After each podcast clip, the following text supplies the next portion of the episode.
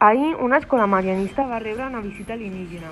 Els experts encara estan analitzant si era una comunicació pacífica o amenaçadora. Dimarts passat a les 9 menys quart del matí, l'escola de la Verneda de la Trenquillon va rebre una amenaça a través d'una llum verda provinent d'un omni de grans dimensions que sobrevolava l'escola. Es van sentir unes cocafònies que ningú ha aconseguit desxifrar. Connectem directament amb un alumne de la mateixa escola. On va passar? A l'escola del Verneda Adela de Trenquillon, del barri de Sant Martí. Què va passar exactament? Mentre matíem el nostre programa de ràdio matinal, Els matins de l'Adela, creat i realitzat per nosaltres, els alumnes de primer d'ESO, vam començar a rebre interferències on ens va ser impossible continuar amb la nostra feina. Quan vam deixar d'emetre, la resta dels oients, pel reproductor de l'ordinador, va començar a sentir uns sorolls estranys i poc definits.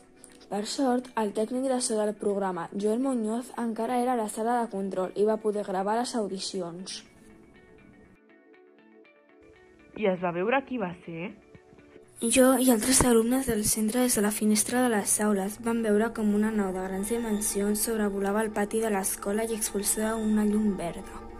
Després d'emetre centenars de rajos a la parabòlica de ràdio de l'escola, la nau va desaparèixer de manera instantània.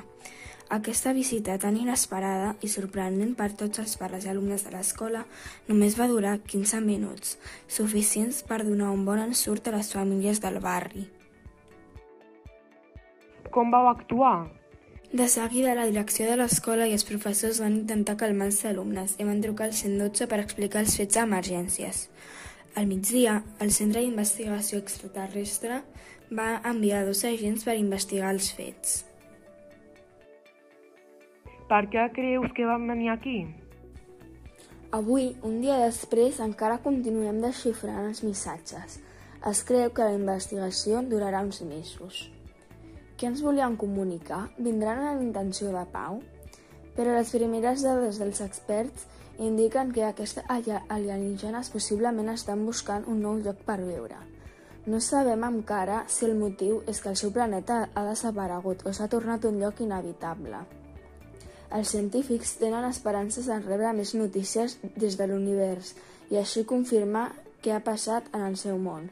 Ara és molt important establir noves connexions i interca intercanviar informació amb els nous éssers que habiten fora del nostre planeta. Helena, moltes gràcies per la informació i seguirem en contacte per conèixer noves dades.